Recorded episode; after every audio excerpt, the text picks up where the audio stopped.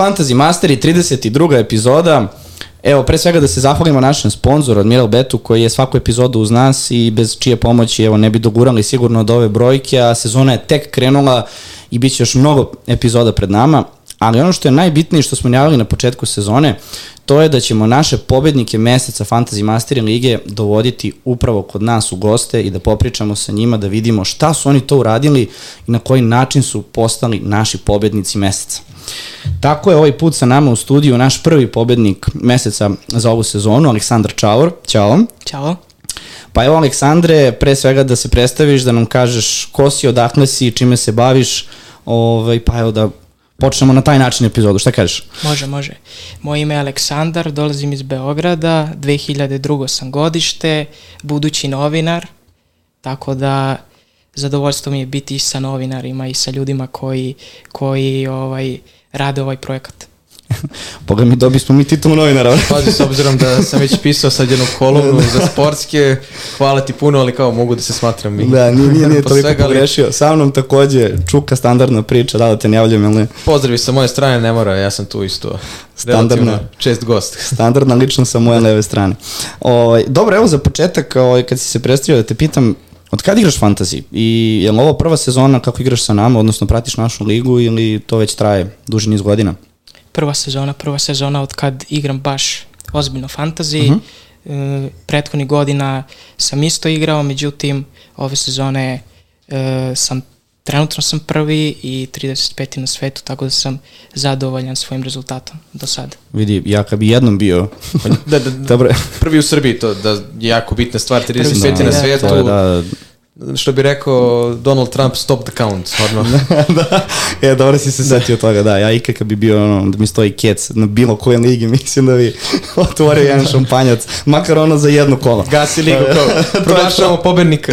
to je to. Nešto, me, nešto nas interesuje za početak. Ako ti je ovo prva sezona, kako kažeš da igraš intenzivno fantasy, uh, kako si došao do nas? Kako, tačnije, kako si saznao? To nas interesuje, jer evo, ti si baš jedan primer osobe koja, dakle, krenula je da igra intenzivnije i evo, otkud ti kod nas u ligi?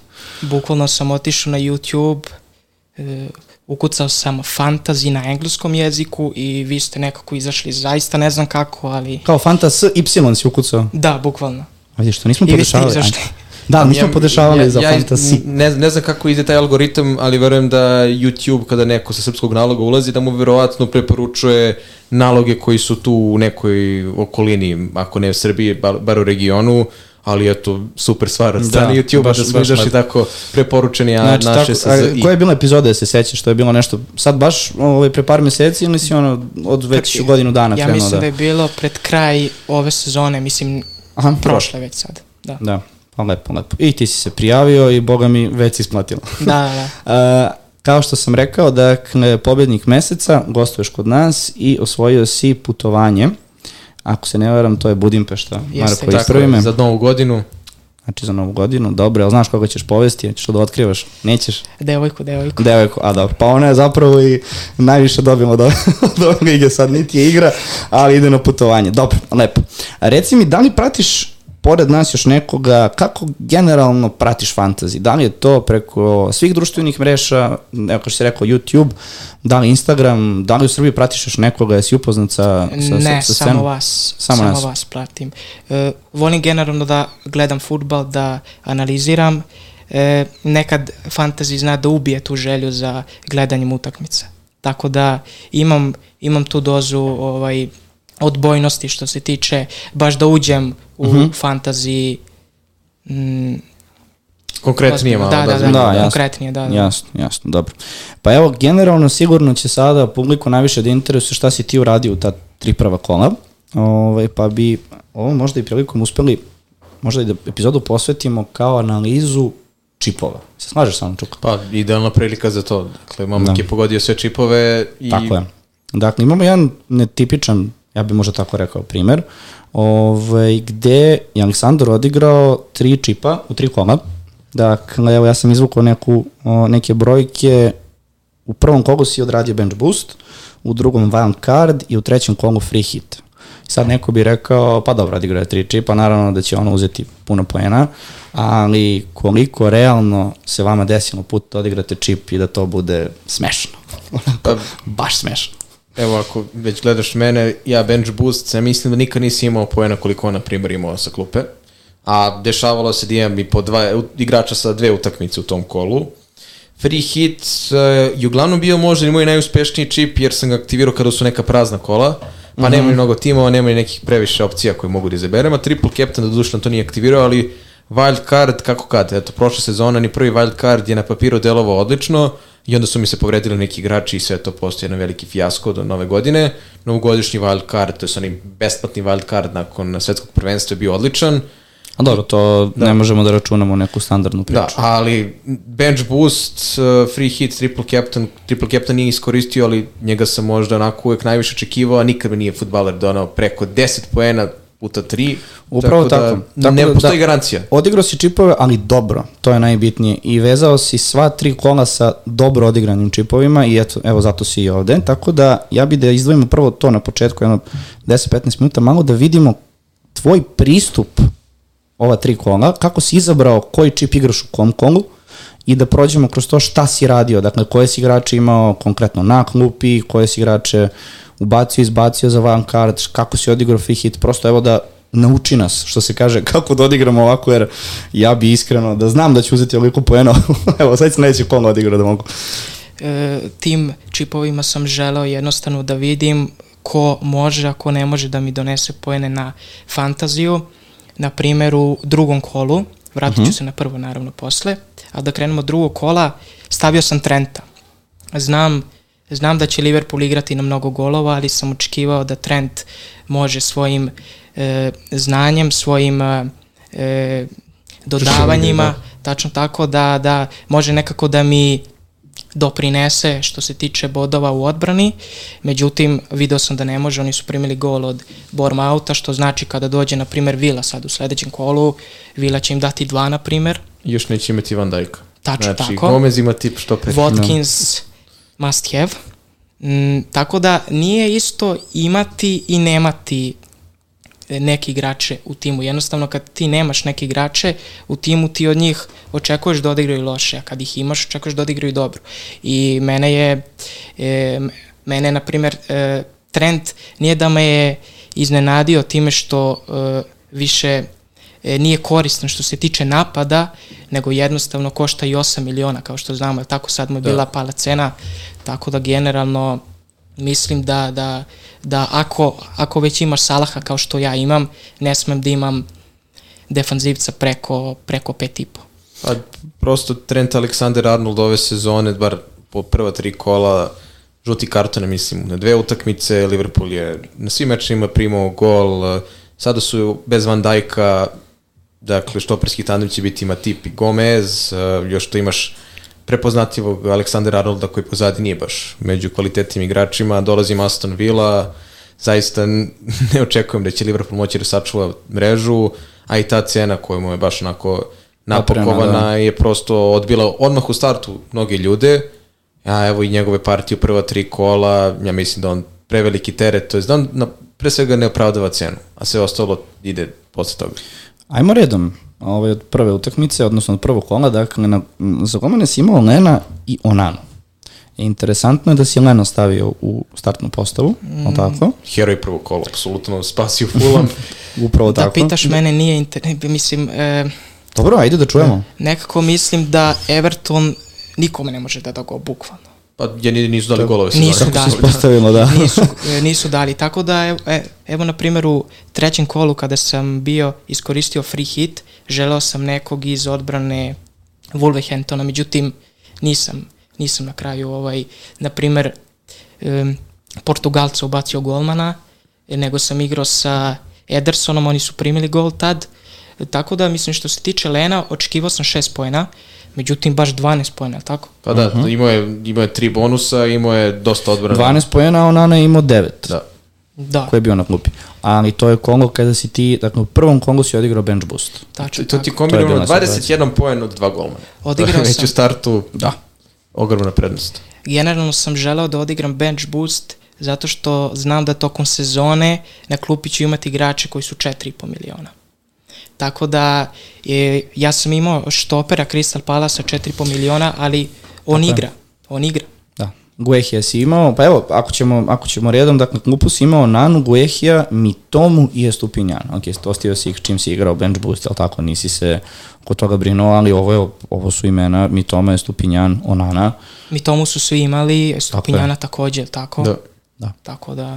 Ove, ostatak ekipe si imao Vokera, to mi je interesantno i interesuje me da li si ga ubacio poslednjih. Sad ću ti reći priču, minut pre. Minut Jel, pre da, sam ono pada i padaju serveri, ne mogu da Tako se je, to je to. iznesu izmene. Imao si E, Stonesa imao pre, ja? Stonesa, da. Hvala Bogu, tako je, svi smo ga Naravno. imali. Zato što sam očekivao da je must have pored Bernarda Silve i Haalanda po meni. Oni su must have u Cityu, međutim Stones očigledno nije a i Nije ni sila. kuburi sa povredama. Da, da, da, Stones i dalje kuburi, a Bernardo se vratio sad u prošlo kolo, ali evo, na primjer, ostao ti je Gabriel u ekipi. A to je isto bila priča pred sam kraj, nismo više mogli da pohvatamo Gabriel igra, ne igra, šta je sa Stonesom. Ove, znači, Gabriel ti je ostao, Šo, i imao si, rekli smo, Guehiju na klupi. Pored toga, e, veza je bila ovako, Saka, Foden, Bruno, Martinelli i na klupi Mitoma i u napadu si imao Visu, Halanda i Velbeka, dakle postava 3-4-3 i na klupi Onana, Guehi, Mitoma i Stupinjan. Ti si ukupno tu imao 109 poena. Tačno tako.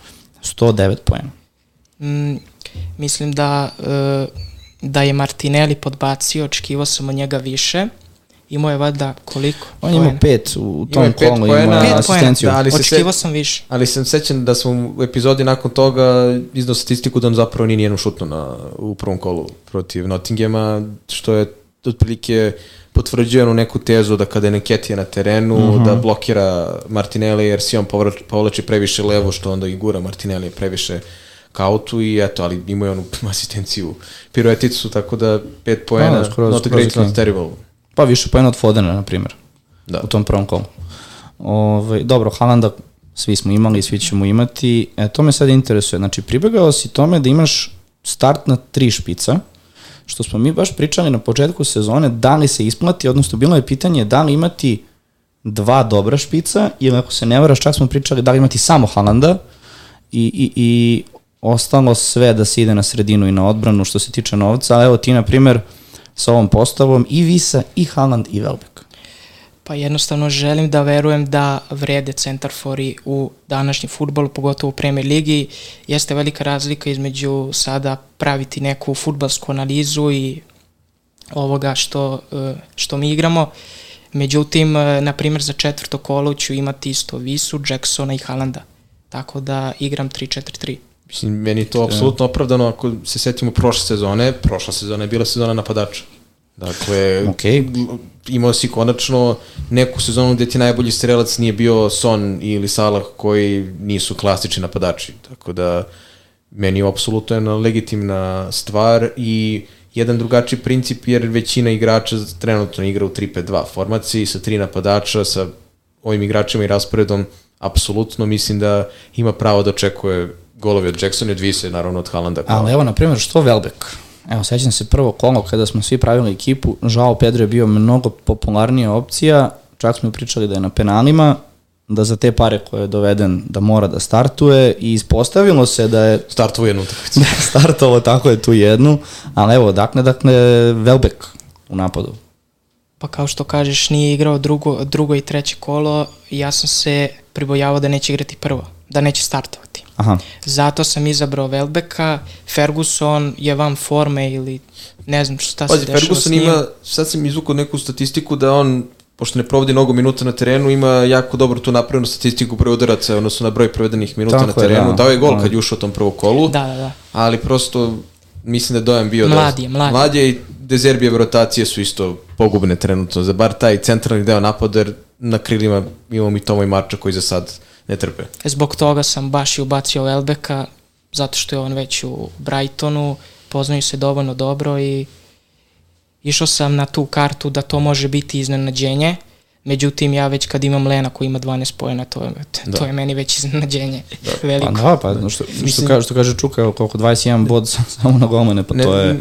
ne znam da li ste videli izjavu Dezerbija nakon utakmice da je moglo da se nasluti da će čak Pedro da bude na klupi.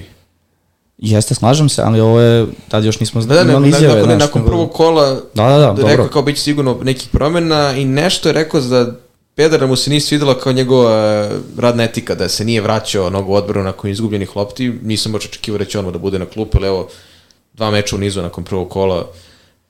Već su počeli da ga prodaju, pa mu je pala cena na 5,5. Njemu je skočila, dakle mislim da on Tako prvi igrač ove sezone kojim je skočila cena i nakon toga pala cena. Čekaj, šta je sa Isakom? Isako mislim da još nije pala cena. Ne, ne, kad je skočila njemu? Skočila u prvom kolu, posle prvog kola mu je skočila. Ja mislim da Isako možda pre nego žao Pedro. Moguće, ali svakako i ako nije prvi među prvim igračima koji uspio da ima skok ceni pa cene u prvo tri kola. Dobro, to da, to da. Ako tako gledamo da. I onda dolazimo do drugog kola. I u drugom kolu, nakon što imaš 100, kako smo rekli, 9 poena, ti igraš van kart. E, aj sad objasni, evo iz ugla nekoga ko gleda ili sluša sad ovo, Dakle, kad imaš 109 poena, ok, imao si bench boost, ali kad oduzmeš klupu, to je sigurno nekih, da ne računam sada 30 poena gore dole, ok, i dalje kad oduzmeš to je nekih 70 i nešto. Jače od proseka. Tako je, vr, dosta jače od proseka. Zašto se ti odlučuješ za wild card? Eto, to je prvo pitanje. Zato što kada vidim da će Salah igrati protiv Bournemoutha, a da ga ja nemam, nije mi sve jedno. Zbog toga, zato što e, dvomio sam se između free hita i wild card. Mislim, moj primarni plan je bio da iskoristim u tri kola te čipove. Jednostavno to želim, zato što kao što sam rekao, uh, ako, ako se desi kao što se desilo da me neki igrač izda, ajde da se tako izrazim kao Trent Alexander-Arnold, više ga nikad neću stavljati u ekipu. I to je bio neki test, ovi čipovi su test za to. Dobro, ok, ali evo, na primjer, ti si stavio, ako se ja ne vram, tri igrača iz Liverpoola, dakle, odigrao si van card i golmani su ti bili Turner i Onana. Dakle, Onanu si ostavio i odmah si promenio Lena za Turnera i nakon toga je Stupinjan je ostao, doveo si tri igrača Chelsea, dakle, Chilwell, Jackson i Čukmenka, ako sam dobro rekao, pretpostavljam da jesam. Kjerni, I, samo reci, šta? nazove ga po imenu kao Kjerni. E, Kjerni i tri igrača Liverpoola, Alexander Arnold, Arnold, Salah i Soboslay. I na sredini terena si dodao Gibbs White-a, što mi isto bilo vrlo interesantno, i u napadu, pored Jacksona, su Haaland i Visa, oni su ostali, i klupa sada je dosta mršavija, naravno, to su Van Hek, odnosno Heke i Kabore. E, da vidimo ovako, dakle, šta se desilo nakon tog prvog kola da si ti imao poverenja da ti šest igrača bude iz Chelsea i, i, i Liverpoola sve ukupno? Što se tiče Čezljevih igrača, raspored je bio razlog, oni su tad igrali protiv West Ham, ali sledeća utakmica je bila protiv Lutona, uh, sledeći kol igrao protiv Nottingham Foresta, tako da sam zadovoljan Čezljevim uh, rasporedom. Što se tiče Liverpoola, želeo sam da igram do kraja sezone, evo već sad kažem, sa Trent Alexander Arnoldom i Salahom i stavio sam Soboslaja zbog jednog kola.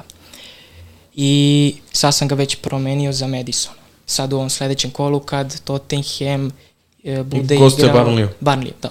Nisi imao sreće, na primjer, u tom kolu Soboslaj je iznudio penal i onda je Salah promašio pa je iz odbitka dao gol, ali to nije asistencija. Da je dao direktno iz penala, Soboslaj bi da, dobio asistenciju. Da, to. pa i Salah imao koliko 10 bodova, odnosno 5 Zbog promašenog penala. Zbog promašenog da. penala, tako je, da. Međutim, zadovoljan sam uh, kolom, imao sam 63 poena, jeste, ili tako? Uh, jeste da sam koristio 63, wild card. Da, tako je. Jeste da sam iskoristio wild card, međutim, ovo kolo Rashford, Bruno, Salah, Saka, Haaland, svi su bili loši. Svi su podbacili.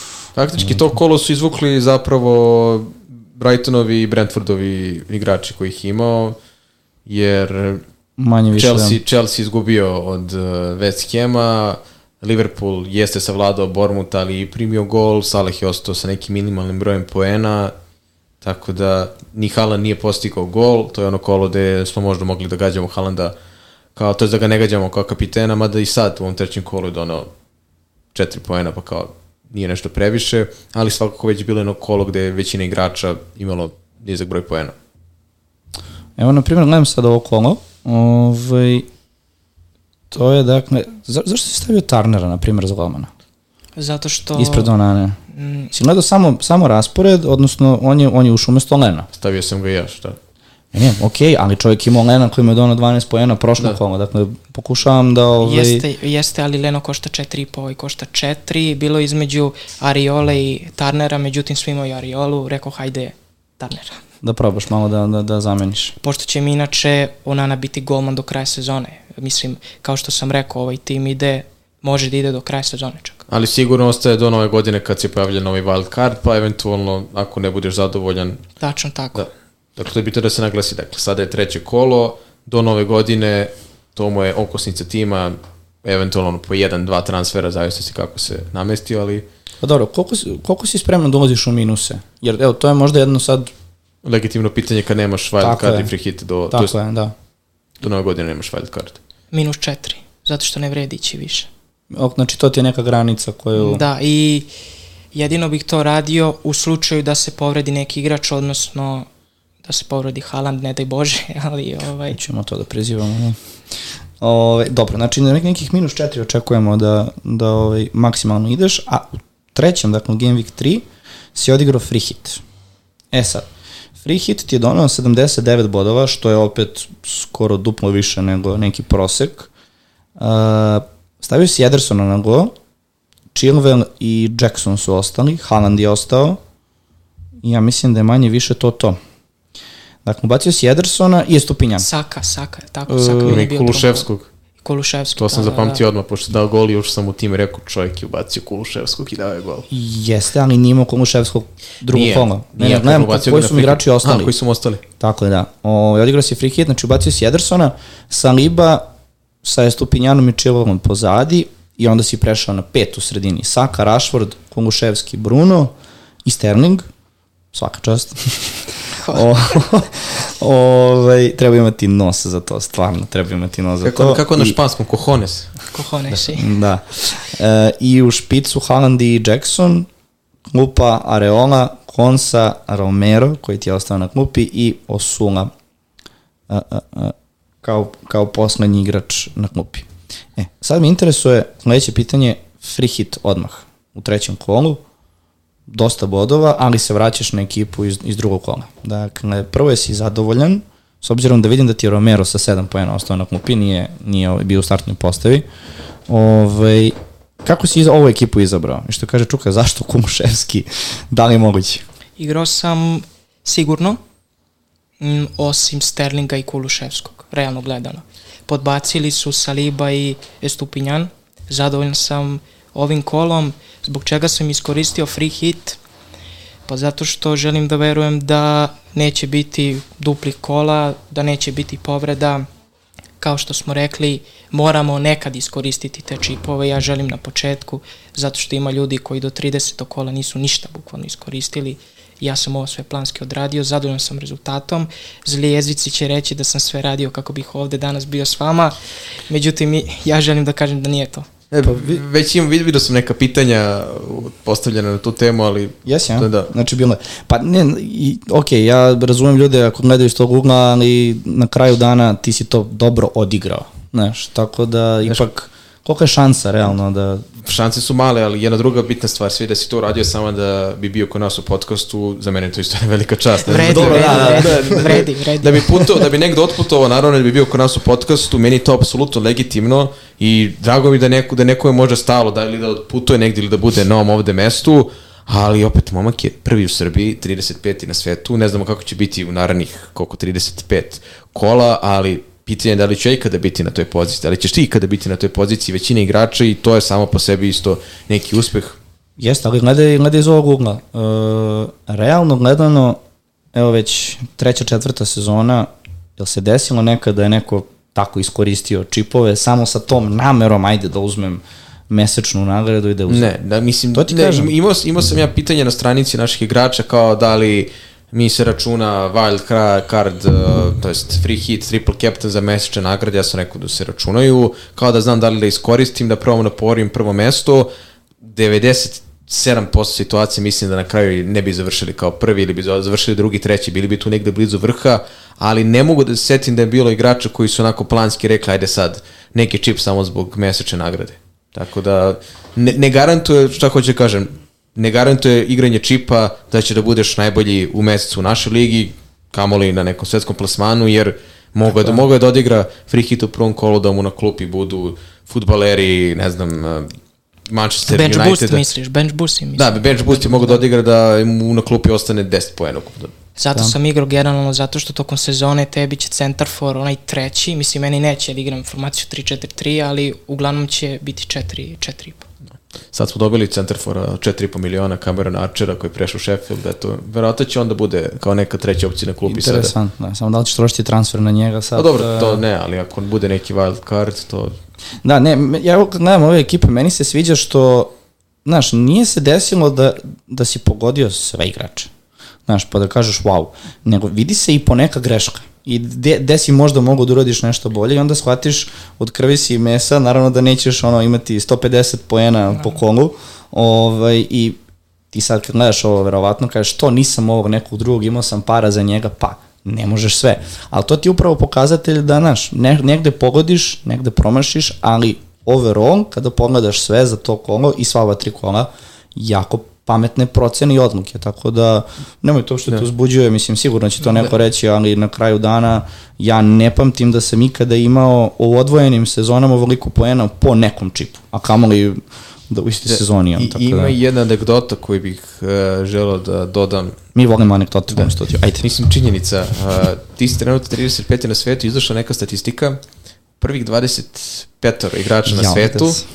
njih 10 se nalaze u istoj mini ligi. Ista država. Iz Indonezije. Da Indonezija ili, Malez, Indonezija ili Malezija. Tako nešto, da. I počeli su se proleče priče da je to neki lik napravio 10 naloga, da sa 10 različitih naloga uh, igra, svakako svi da jeste, jeste to uradio. Sam misli, sa 10 drugih različitih naloga da uspeš da imaš 10 timova u top 25. Ali ja sam ušao... To je pitanje koliko ukupno ima naloga da, onda možda. Ne znamo, ali ja sam ušao baš u prva tri uh, igrača na svetu. Da li u drugom ili posle prvog kola, nisi siguran u tom nekom prelazu i primetio sam neku istu mantru da su imali uglavnom skoro iste timove, iste igrače i, i malo sam posumnjao i onda je neko ko se malo zbiljnije bavi tim analiziranjem zaista došao do te neke činjenice da neko može da bude ne znam, drugi na svetu, a da bude deseti u nekoj mini ligi, jer igra tu mini ligu gde su svi trenutno najbolji na svetu. Tako da je jedna nevjerovatna činjenica. Ajde da stremimo sa našom ligom ka tome, a? Da, mislim, evo, gledam, gledam po nekom našem plasmanu, gde sam ja kao trenutno negde oko 500.000 uh, na svetu, a 222. sam u ligi koja ima 797 igrača, što znači da je generalno već dobar neki deo igrača u prvih, nadam se, 100-200 hiljada, tako da se nadam, imamo momka koji je prvi u našoj ligi, prvi u Srbiji, 35. na ja, svetu. Ja gledam lige, de, pazi, sve su kečevi de, ovako. Gde de, de, ćeš bolju reklamu od ovoga? Apsolutno. Oj, E, a znaš šta sam primetio? Igraš i, i od Strahinje Ćanovića, Acinu ligu igraš? To da, sam da, video, da. da.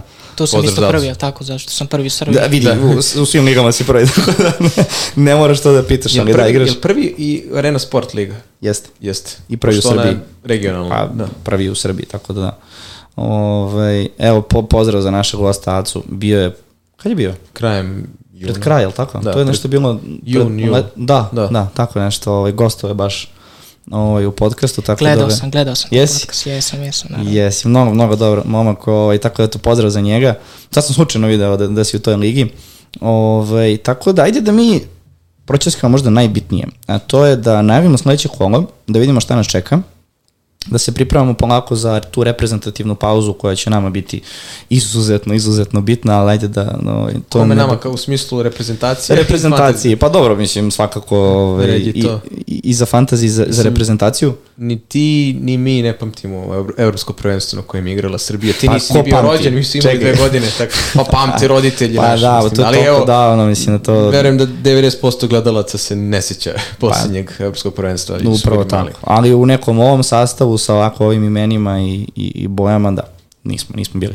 Uh, ajde da, dakle, najavimo naredno kolo i da vidimo otprilike neke tvoje savete kako ti gledaš na, na celu situaciju i na kraju da nam pomogneš da promenimo ekipu. Ako može, si to primetio, može. dakle imamo našu fantasy ekipu kao podcast i onda naši gosti nama naprave izmene, s tim što ćeš ti imati onako ovaj, posebnu priliku, jer prošlu epizodu naš gost Viško je odlučio da ne radi ništa. Tako da imamo dva transfera, o, što zapravo i nije bila loša stvar. Ali ajde krenemo redom. Šta ako kaže da aktiviramo čip? Pa ako gost kaže da se aktivira čip, joj.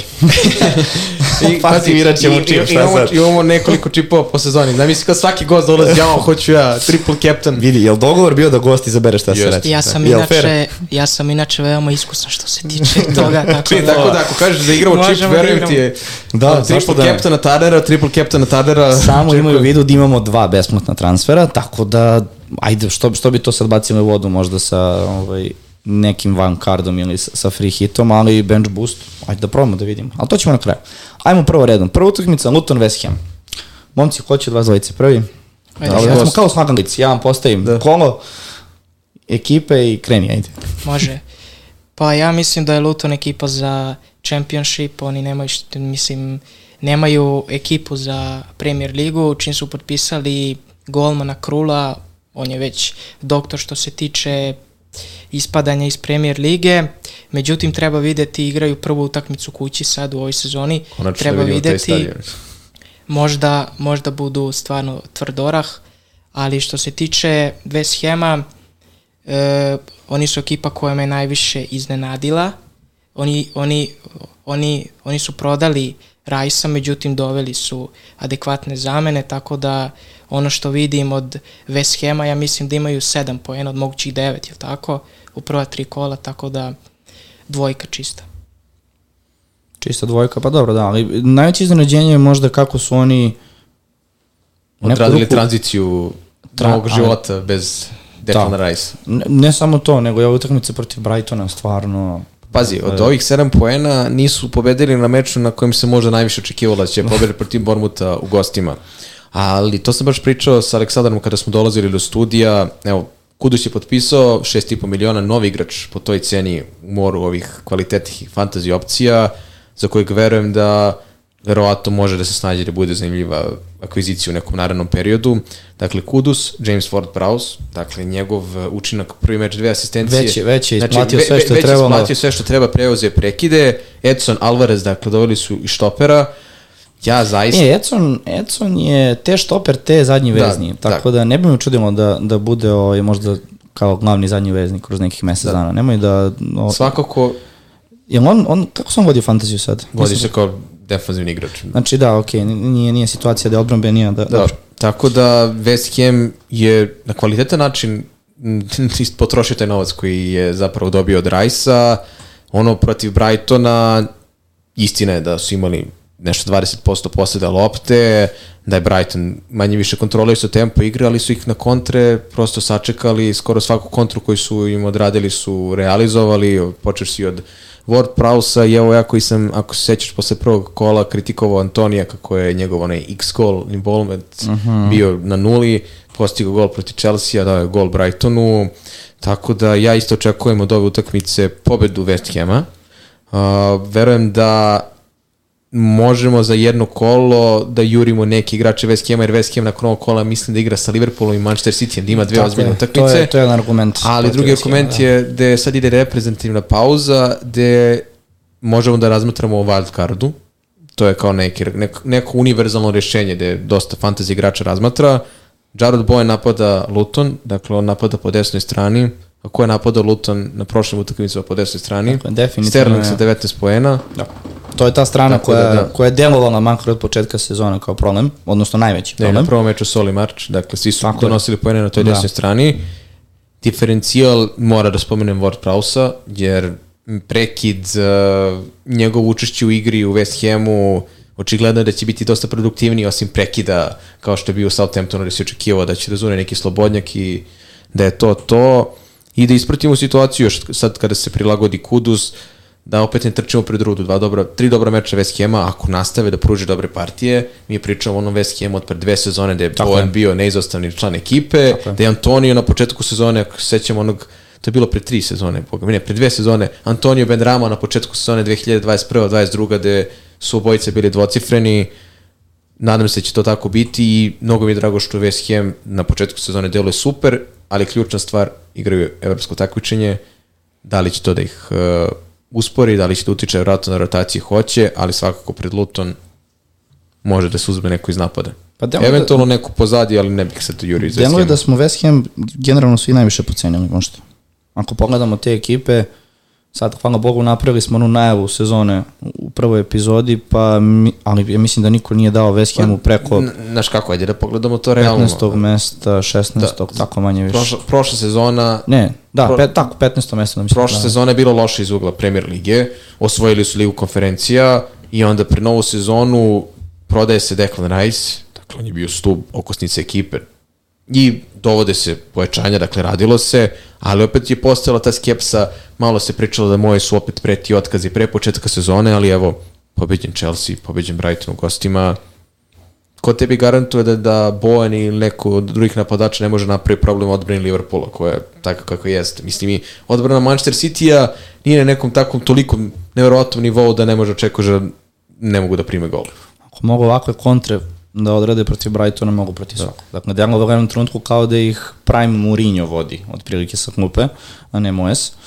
Ali dobro, ok, lepo ste mi rekli za ovo. Ove, ovaj, dakle, da li da razmatramo dovođenje možda nekoga iz West Hama, Bovena? Hm? E, ne. Ne? Ne, zato što e, sledeća dva, tri kola igraju, šta smo rekli, Evo ovako, dakle, igraju ekipa, protiv Manchester City-a, da. pa Liverpool, pa čekaj, neće da mi se učita, što neće mi čita, Sheffield United. to Dobro, da... Sheffield United nije ozbiljna ekipa, tako da u sledeće dva kola ne vredi ni Boven, čak i ako sad e, da gol ili ima neku asistenciju, mislim da treba još sačekati sa njima. Da, i posle toga, kako ja vidim, imaju i Newcastle, tako da oni ulaze jedan ozbiljan, pa Aston Villa. Da, oni imaju jedan ozbiljan, ozbiljan raspored, tako da tu je sad pitanje Ovaj, da li vredi da se dovodi, da li može da bude ono što Englezi vole kažu otporan na raspored. Da. Ali evo, do, dovoljno je da Boven ili neko od njih da još jedan. Boven ako da dva gola, dovodit će ga protiv Liverpoola. Ili pa, ako budemo dvocifren broj poena, odbrana Liverpoola zaista ne predstavlja trenutno neki bauk, naročito bez Van Dijka, vidjet ćemo već sad kako će protiv vas bilo to izgledati. Okej. Okay. Sledeća utakmica, ako se ne varam, je bila jedina utakmica Daj, u petak. Opet, opet kolo da? počinje u petak, bitna da. stvar za sve fantazije igrače, ne zaboravite da podesite timove. Što nam otežava svaku nedelju. Da, svaku nedelju. Nama, nama bi podcast inače izlazio uh, petkom, četvrtkom uveče, pa, da. ovako da. mora da izlazi bukvalno može i dva dana pred, uh, nadamo se da već, mislim da prvih pet kola četiri počinju petak i to opet Luton otvara. Dobro. Nema veze, proći će taj period da. svakako. A onda ako budemo imali dupla kola, pa ćeš se setiti ovoga. Da, uh, u subotu počinjemo sa utakmicom Sheffield United Everton. Uf, kakav e. derbi, uf. Znači... Još jedan six o, point. Baš, ali baš, baš, baš utakmica za šest poena i to u četvrtom kolu već Everton, dakle, rekli smo već nije postigao gol za sada. Koliko sati utakmice? Uh, 13.30. Dakle, znači, to, to je, jedino, jedna jedina To je jedna jedina, tako je, da. Štete, da je multiprenos, pa će bar neko isprati, ali ovako, mislim, naravno, gledat ćemo to, ali zaista da ti neko kaže subotom ujutru, ono, hoćeš da prošetaš ili da gledaš Sheffield, Everton. Pa da, pa ne znam, da, ovo je sad, što ti kažeš, vrlo možda neinteresantna utakmica, ali evo, najde čujemo od tebe, dakle, da li ćeš tu ići na možda nekog igrača, da li ćeš obraćati pažnju na formu, evo rekli smo Cameron Archer kao napadač. Neću, Četiri... neću, neću uzimati njega. Što se tiče te utakmice, ja mislim da je to utakmica uh, koja će se sledeće godine igrati u drugoj ligi. Mm, mislim da je ovo X 0-0 bukvalno, dva šuta na gol. E, što se tiče Evertona, oni su imali pakleno lošu sezonu i doveli su jedno pojačanje. Dva pojačanja, tako u napadu, ali doveli su e, Ashley Younga. Da. Oni, oni očigledno misle da su i dalje ekipa koja će sigurno opstati, a ne verujem u to, kao što si ti u prošlom podcastu lepo rekao, oni žive od Lutona i Sheffielda, ali njima će sledeće godine doći Leicester ili Southampton, oni sledeće godine sigurno ispadaju. Ima još jedna bitna stvar, malo pre početka podcasta potpisali su novog napadača Beta, Da, to je nešto što danas da, bilo, tako? Sad, da. upravo pred početak podcasta sam objavio, dakle, još jedan napadač, nije mu objavljena cena, ali eto da se isprati to, jer u ovih u ova prva tri kola Everton jedina ekipa koja nije postigla gol, ali ruku na srce protiv Fulama su bili blizu gola i protiv Wolvesa, ali Mope i družina prosto nisu mogli. Imao je ukore onu priliku, ona odbrana sa, ne znam da li si video, gde je on bukvalno padao u gol, kako lopta dolazila samo ovako ćušnu iznad prečke, tako da Everton imao sreće između ostalog, ali svakako nije to trenutno kvalitet ekipe koja ne možemo da iznad. kažemo da su možda i zaslužili trenutno, da. ovaj, ali dobro, da, dakle, šta si rekao ti za, ja, nemoj ti da mi najavljaš da, 0-0. Ja, ne znam, ako si ispratio naše podcaste, ti si neko ko voli da najavi 0-0, Ne. A ne bi me čudilo da Everton ovde primi gol, pošto su tako iz jednog udarca bukvalno mm -hmm. primili protiv uh, Wolvesa, i Fulham su stisli pa im je dao na kraju gol. Dobro da ne spominjem uh, Aston Villa koji ih je baš onako rutinski razbila. Tako da, dajde ne bude da prognoziram 0-0, možda čak 1-1, neki onako mršavih. Ali ako gledamo njegov ugog gledanja 0-0, onda oni vlasnici koji dalje imaju Pickforda, pošto on bio relativno popularna opcija, nije dano ništa prva tri kola, može bude neki golman koji tu zanimljiv. A i Sheffielda isto gledamo onako igrače koji su na klupi. Štoper da, ili golman. Boldog, da, da, Boldog, ta da, neka priča. Boldog ali... je baš bio popularan. Da. Mislim, mislim da i dalje zapravo da. po procentom vlastištva. Ono što mogu da kažem za Sheffield, to je da su Dobro se branili protiv Manchester City. Jako su se dobro branili. Znači, to je ono što, bez obzira što to Manchester City, dobro su izgledali, zaista... Jeste, imali, otprilike su imali 15 igrača u 16 tercu u nekim trenucima, ali sve u svemu, oni su se jako, jako dobro branili i oni, ako tako podese ekipu da igraju i protiv jednog Evertona, koji će, neće snaći u toj situaciji, da probaju na kontre kao što su City u dali go. Ali ja ne verujem iskreno da će da zatvaraju autobus protiv Evertona. Isto mislim da će Sheffield da ide logikom ovo je utakmica gde, mora, gde, gde moraju da uzmu tri poena. Dobro, ali ok, za malo da uzmu poene City-u.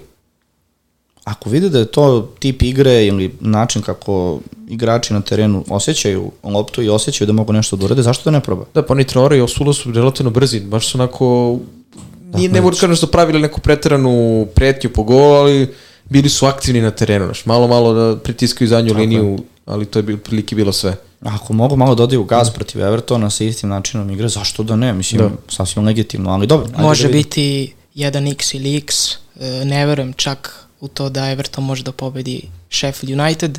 Everton je veliki klub, e, računajući prvu ligu pre Premier Lige, oni imaju devet trofeja, e, ali Evertonu sve što se dešava, oni su to i zaslužili. Sećate se onih ranih godina, oni su čak ciljali Evropu, ono dovodili igrače, da, da, da. svašta nešto, tako da ja mislim da sve što im se dešava je zasluženo i ne verujem da, da mogu da opstanu u narene dve, tri godine. Nema, Znaš kako, nema me, mene ovo podsjeća kao na neku priču sa Southamptonom. I oni su tako posljednjih par godina se izlačili i osnali se na dođenje nekih ne pretarano proverenih, talentovanih mladih igrača bez neke veće ambicije. Everton čak ni to ne radi da kaže da dovode 3, 4, 5 nekih talenata iz Afrike i Južne Amerike. Mislim, ovo je Sean Dyche. Pa uporedi pa ove sve tako i Barnley, on tako i Barnley držao tu neku okusicu, nije se, bog zna kako pojačavao, doveli su Kornea one sezone kada su da. ispali, ali nekako mi deluje da nema ovaj Everton ni širinu sastava, niti dovoljan kvalitet bez napadača koji je za početak zdrav. Dakle, Calvert-Lewin u onom periodu do početka hroničkih povreda je zaista bio kvaliteta napadač kako za fantasy, tako i za Premier ligu. Ovo sada sa Mopeom i relativno rovitim Calvert-Lewinom. Opet žao mi je momka, on je sad povređen, ne, nije neka njegova klasična povreda, već dobio udarac u Jagodicu, ne znam da li mu je polomljena, ali baš bilo neprijatno, ono, protiv Aston Villa mora napusti igru kada mu se nadula lice, tako da vidjet ćemo da li će Beto moći da popravi nešto, svakako onako manjak ambicije, manjak ulaganja, kao što kaže Aleksandar, sve po zasluzi. Na, znaš kako, ne možemo možda da kažemo da je manjak ulaganja, zato što Everton pravi stadion koji će parirati Tottenhamu. To, da ima najbolji stadion u Championship. Pa, e, to, to, to mi nije jasno, to da. mi nije jasno, što oni ozbiljan novac ulažu u to, a onda igra na terenu i rezultate koje imaju prosto ne opravdavaju takvu investiciju. Mislim, to, je, to je, sa druge strane, to je čudno. bude mi žao, da, bit će mi žao ako Everton ispadne, jer pričamo onako o timu koji ima najduži staž uh, istoriju. U, da. istoriju, ali opet uh, i manji klubovi veći su ispadali iz ligi, jedna, jedna Aston Villa je bila u čempionšipu pa se vratila, može to potrebno za neki novi reset, jer uglavnom su ti veliki klubovi koji su ispadali Uh, u Championshipu u jednom trenutku se vratili i postali stabilni. Evo, Nottingham Foresta koji je duže malo bio u nekom nižem rangu, Aston Villa koja je provela par sezona, pa i Leeds čak koji je sad ponovo ispao, evo vratit će se verovatno Southampton, vratit će se i Leicester. Ja verujem da je za možda neku dugoročnu dobrobit kluba potreban jedan ozbiljniji reset, da kaže, aj, ok, ajmo krenu iz početka, tu smo u da to bude ona ekipa koja je, kao što su danas Brentford, Brighton, dakle, neko ko je tu tik uz najjače najveće klubove. Što je oni zaslužuju po nekom renomeu? Uh, slažem se, ali mislim da su Brighton, West Ham, Brentford jedno 10-15 godina ispred Everton. Jesu. I kao što ti kažeš, treba, treba jedan reset kao, kao što kao što se dešava sa Sunderlandom. Mislim da će oni proći kao Sunderland. Oni su dalje u, u drugoj ligi, ali do pre dve sezone su igrali treću ligu konstantno već godina. Da. Da, Sunderland čuveni. Uh, sledeća utakmica Brentford Bournemouth. To je dakle utakmica koja je zajedno na programu sa če da imamo Barney Tottenham, Chelsea Nottingham Forest i City Fulham. Multiprenos. Multiprenos, tako je. Ovaj, evo za Brentford Bournemouth, odakle bi krenuli? Hm? Pa, Nadam se poenima vise i Imamo ga i mi u fantasy timu u našem. Mm, da, ili, da, da, imamo, imamo, da.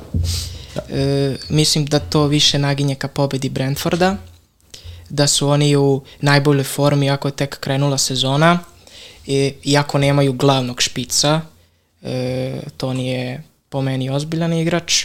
E, što se tiče što se tiče e, toga koliko će Brentford moći ove sezone, e, isto kao i prethodne, e, ne verujem da će, da će biti mesto, mesto dole ili mesto gore, bit će tu gde su bili, tako da generalno e, mislim da Bournemouth može da podbaci, ali će opstati u ligi jer imamo tri ekipe koje, tri ili četiri ekipe koje zaslužuju da ispadnu, kao što sam rekao, pored Lutona, Sheffield Uniteda i Evertona tu je i Burnley, tako da to će biti mrtva trka.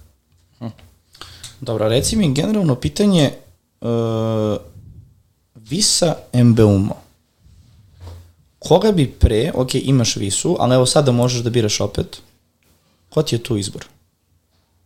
Mbeumo zato što će Toni da se vrati. Uf, da, čekaj, Toni se vraća... U januaru, tako. Da, ali će se vratiti da ću imati wild card, kao što sam rekao, planski. Međutim, Mbeumo. On je bukvalno bliže golo od Tonija otprilike, a igra e, sredinu terena u, u fantaziju. Da, da. Dobro. E, generalno imamo tu sada i priču oko Bormuta koji od početka sezone deluje da su ovaj, koliko toliko stabilni, rekmo bi se. Pa svakako uh, su zanimljiviji, bar makar za gledanje opasniji nego što su bili pod Scottom Parkerom i Gary O'Neillom, ali eto, u prva tri kola osvojili su samo jedan bod, čak nisu bili toliko opasni po gol Tottenhema u ovom trećem kolu. Mm, sačekao bih uh, sa nekim ozbiljnim analizama Bormutar imaju ozbiljan, ozbiljno težak raspored uh, i oni tu eventualno da. da u nekom dugoročnom, kažemo, smislu razmišljanja kada budu imali neki bolji e, raspon utakmica, možemo da razmatramo Solankija, eventualno se menja jer isto napadač 4,5 miliona, to je nešto što je tu jako bitno za fantasy i to bi bilo to, imamo i Filipa Billinga koji je onako bio njihov najkvalitetniji vezni igrač i realno to i danas jeste, koji je uvek prisutan kako kod golova, tako kod asistencija. U jednoj sezoni u Championshipu imao dvocifren broj asistencije i golova. To su te tri jedine realne opcije koje su vredne razmatranja. Neki će možda reći da imaju ofanzivne bekove u vidu Kerkeza, Kerkeza i Max Aronsa, koji je, ako se sećaš, pre par sezona bio povezivan i sa Bayernom iz Minhena, pa na kraju nikad nije otišao tamo dok je još nastupao u Noriču, ali neko, neko kod spomeneš defanzivne akvizicije Bormuta, pa ima mnogo boljih jeftinih igrača, to jest igrača po toj nekoj ceni iz drugih timova koji su se, kvalitetni, da. ali sačekao bih još sa nekim predlozima, je kao dovedite Solankija sada, sve to sad hrabro, da neku ruku možda i ludo, ali to su eventualno neki diferencijali ako neko hoće baš toliko da se razlikuje, a Brentford, Visam Umo i eventualno neka Henry, treća, ja. treća opcija Henry, ti najpopularnije opcije, da. realno. Ali evo sad gledam raspored baš, dakle, Brentford igra protiv Bormuta kod kuće i nakon toga ima Newcastle u gostima, ok, to je svakako teška utakmica. Nakon toga Everton i Nottingham Forest da. i onda dolazi United, odnosno idu na Old Trafford Unitedu, koji realno ne može da kažeš nakon ovog kola da, da ima sigurnu odbranu. Vrlo jednostavno. I oni ni Liverpool, ne treba da predstavljaju, Apsolutno, dakle, ovaj da. fixture difficult rating što Pa dobro, ja stoji- gledam samo spisak, da. to što stoji crveno-zeleno, to je sad trenutna situacija od početka sezone i ona se ta Da. se ne menja, ali definitivno protiv Uniteda Brentford sigurno može da postigne jedan ako ne dva gola, zašto da ne? Mislim, Tačno tako. Uh, posle toga igra, igra protiv Barnlija. Dakle, ovo je 3, 4, 5 od 6 možda narednih utakmica gde objektivno stvarno možemo da očekujemo Brentforda da je gola. To je ono što smo na početku sezone rekli, jedan od najboljih rasporeda uz Manchester City je Brentford. Da li, da li možda razmišljati ovde o MBUM-u i Visi zajedno u ekipi? Mislim, ja ih već imam zajedno, tako da svima bi preporučio i MBUM-a i Visu iz prostog razloga što im je, što im raspored odgovara. Kao što sam rekao, ne očekujemo njih mnogo, mesto dole, mesto gore možda čak, ali sad su krenuli kada, kada, kada su svi tek u početku sezone, tek eh, treba da se diže forma, oni su tu najbolji, ali smo imali primere da e, neki klubovi koji otvore dobro, dobro sezonu, očajno završe i bore se za opstanak. No. Dobro, naredna utakmica Tottenham Barnley. Dakle, ono isto 16 časova ovaj, u subotu. Tottenham jako lepo za sada. Ovih par utakmica deluje da igraju konačno, pa možemo reći jedan agresivan napadački futbol koji se navijačima Tottenhama definitivno sviđa. Uh, da li smatrate da Tottenham može više ove sezone nego što smo očekivali? Kakvo je predviđanje ove utakmice? Mm, ja bih samo dodao da pored toga Tottenham igra izrazito lep futbal. Mislim, eh, realno gledano preći preći od Conte, od eh, Mourinha i Contea do uh, Postekoglu, a ja mislim da je to napredak što se tiče ofanzive. Mm, kao što sam rekao, uh, sviđa mi se Tottenham, igraju, igraju lep futbal. Uh, To bez Kane-a. Tačno tako, imaju Jamesa Madisona koji uh, pravi razliku, uh, očekujemo njega poenu fantaziju, tako da mislim da će ovdje biti dvojka. Da, ovaj, generalno deluje da ajde što je otišao Kane, nego što oni dalje idu sa Richarlisonom kao, kao prvim napadačem, Ajde. to je, to je možda još i dalje prvo pitanje, da. kako i zašto. Deluje da će možda Brennan Johnson iz Nottingham Foresta biti opcija na krilu, ako ga dovedu, Mislim jel? da su odbili prvu ponudu od 40 Pa trenutno, milijana. da, ali vidjet ćemo sad da, Da. da li će ovaj, na kraju on preći u, u, u Tottenham ili ne, ali ostaje nekako, mm, ajde da kažemo, taj, ta pozicija wingbacka i leva i desna u Tottenhamu nekako nedorečena. Preskočimo nekako, a Pedro Poro, a pre svega u Dogi, poeni, poeni, poeni. Da, teo sam da se nadovežem na Aleksandra, pre svega uh, nova sredina Tottenhama koju očigledno čine Pape Matesar, uh, Ives Bisuma i James Madison, dakle neko totalno osveženje, gde se Destiny Udogi očigledno za sada ustalio na levoj strani, Pedro Poro je prethodne dve utakmice počeo kao starter, dakle prvi meč je Royal bio čak i postigao gol, dakle totalno neki novi početak tima, Miki van den Ven je imao bio i u bonusima u jednom trenutku, tako da odbrana Tottenhama Golman. vezala, Da, golman, to sam... Odakle početi da, dakle, čovjek? početi od golmana koji ima najbolji procenat uspešnosti odbranjenih uh, udaraca, 93,3 na To. početku sezone. 93, ja. Dakle, samo jedan gol iz igre je primio, sačuvana mreža protiv uh, Manchester Uniteda, sačuvana mreža protiv Bormuta kod kuće. U prvoj utakmici su primili jedan gol iz penala, dakle, zaista se vidi jedan ozbiljan napredak od Tottenhama. Šta je tu možda ključna stvar, po mom mišljenju? Što više nemaju pritisak osvajanja, to očekivanja neke titule, bez obzira što nisu osvojili ništa. Da, da. Jer kad, dokle god je tu bio Kane, uvijek si imao taj pritisak prvo Kane-a kao velikog igrača koji nije osvojio trofej. Sada su na nekom novom zdravom početku, za koji zaista smatra da zaslužuju i trenutno pokazuju zaista jedan visok nivo futbala i dalje ostaje ta kočnica, Richarlison, on kao devetka, očigledno se ne snalazi, da li će potražiti napadača, Možda mi je čak i žao što Kane sada nije ostao, jer Kane sa Madisonom bi verovatno većinu njegovih lopti iskoristio. Možda bismo zaista mogli da kažemo da Tottenham legitimni kandidat da bude makar za top 3 da je tu Kane. Ako osvoje titulu ne, neku ove sezone, odnosno Da, uzmu neki neki, trofej. trofej. Da, neki trofej, No onda je do Kane-a. onda je stvarno do njega, dakle da. to. Ali svakako, ali... ajde sad da se vratimo na fantasy, Madison je trenutno primarni pik i e. to je glavna rasprava pred ovo četvrto kolo, on ili Sterling. Uh, sad, uh, da li dovoditi nekog drugog, neka druga opcija. Madison, Madison. Da, ne, da li dovoditi nekog drugog iz Tottenhama, eventualno u Dogi, jer je jeftin, već mu je skočila cena bio 4,5. Za tri opcije mislim da je to trenutno Ajde da razmislimo, dakle, nek nam te Tottenham ostane svakako opcija sa strane, rekao sam imamo već dva transfera da. za ovo kolo, tako da imamo opcije da dovedemo i Udogija i, i, i, i Madisona, ali evo, dakle, jedno moje pitanje, iako je Madison jeftiniji, uh, na duže staze u toku sezone, uh, Madison ili Bruno? A znaš zašto? Kad ti pogledaš brojeve koji se očekuju od početka sezone, me, pitanje je kako Bruno već nema 40 da, znači, poena, to je da Bruno je najveća misterija u suštini. Bruno trenutno ima najbolju ono naprednu XG statistiku to ili makro top 3. Što se tiče Madison i Tottenhama, Tottenham isto ima dugoročno dobar raspored. Dakle, Tottenham ima, ima čep od dve utakmice, ja mislim da su Liverpool tipa i Manchester United, ali... Da, ne, imaju ne. dakle Burnley pa Sheffield United, da. e onda posle toga derbi protiv Arsenala da. i onda Liverpool. Da, dakle imaju i Arsenal i Liverpool, ako gledamo ugao Jamesa Madison, on nije defanzivni igrač. Dakle, pogledaj koga ima i posle Arsenala i... Luton i Fulham. Dakle, šest utakmica gde Tottenham ofanzivno mislim, može da ugrozi. Ozbiljno da, da, da naškodi. Evo sad za ovaj meč proti Barnleya, Barnley je u oba meča ove sezone dozvolio preko 2.0, on je expected conceded goals, mm -hmm. goals conceded.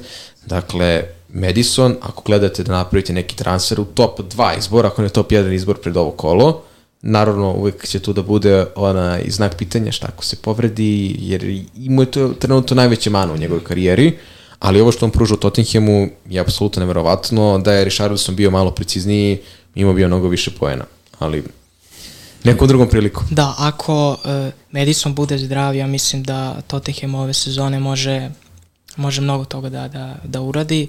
Uh, evo neka moja predikcija, može čak da napadnu i top 4.